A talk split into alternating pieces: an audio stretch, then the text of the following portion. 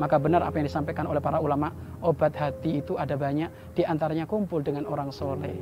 Maka rindulah, wahai para pemirsa, hati ke hati, rindulah setiap saat program Anda duduk dengan orang-orang soleh.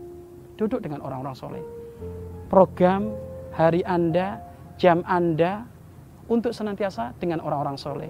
Kunjung kepada ulama Fulan bin Fulan, kunjung kepada para habaib fulan bin fulan, kunjung kepada para santri fulan bin fulan, agar supaya ini menggugah kita untuk senantiasa semangat ibadah kepada Allah, kepada Allah. Dan ketahuilah, kalau kita duduk dengan ulama, maka fahamilah. Ulama sebelumnya duduk dengan ulama sebelumnya.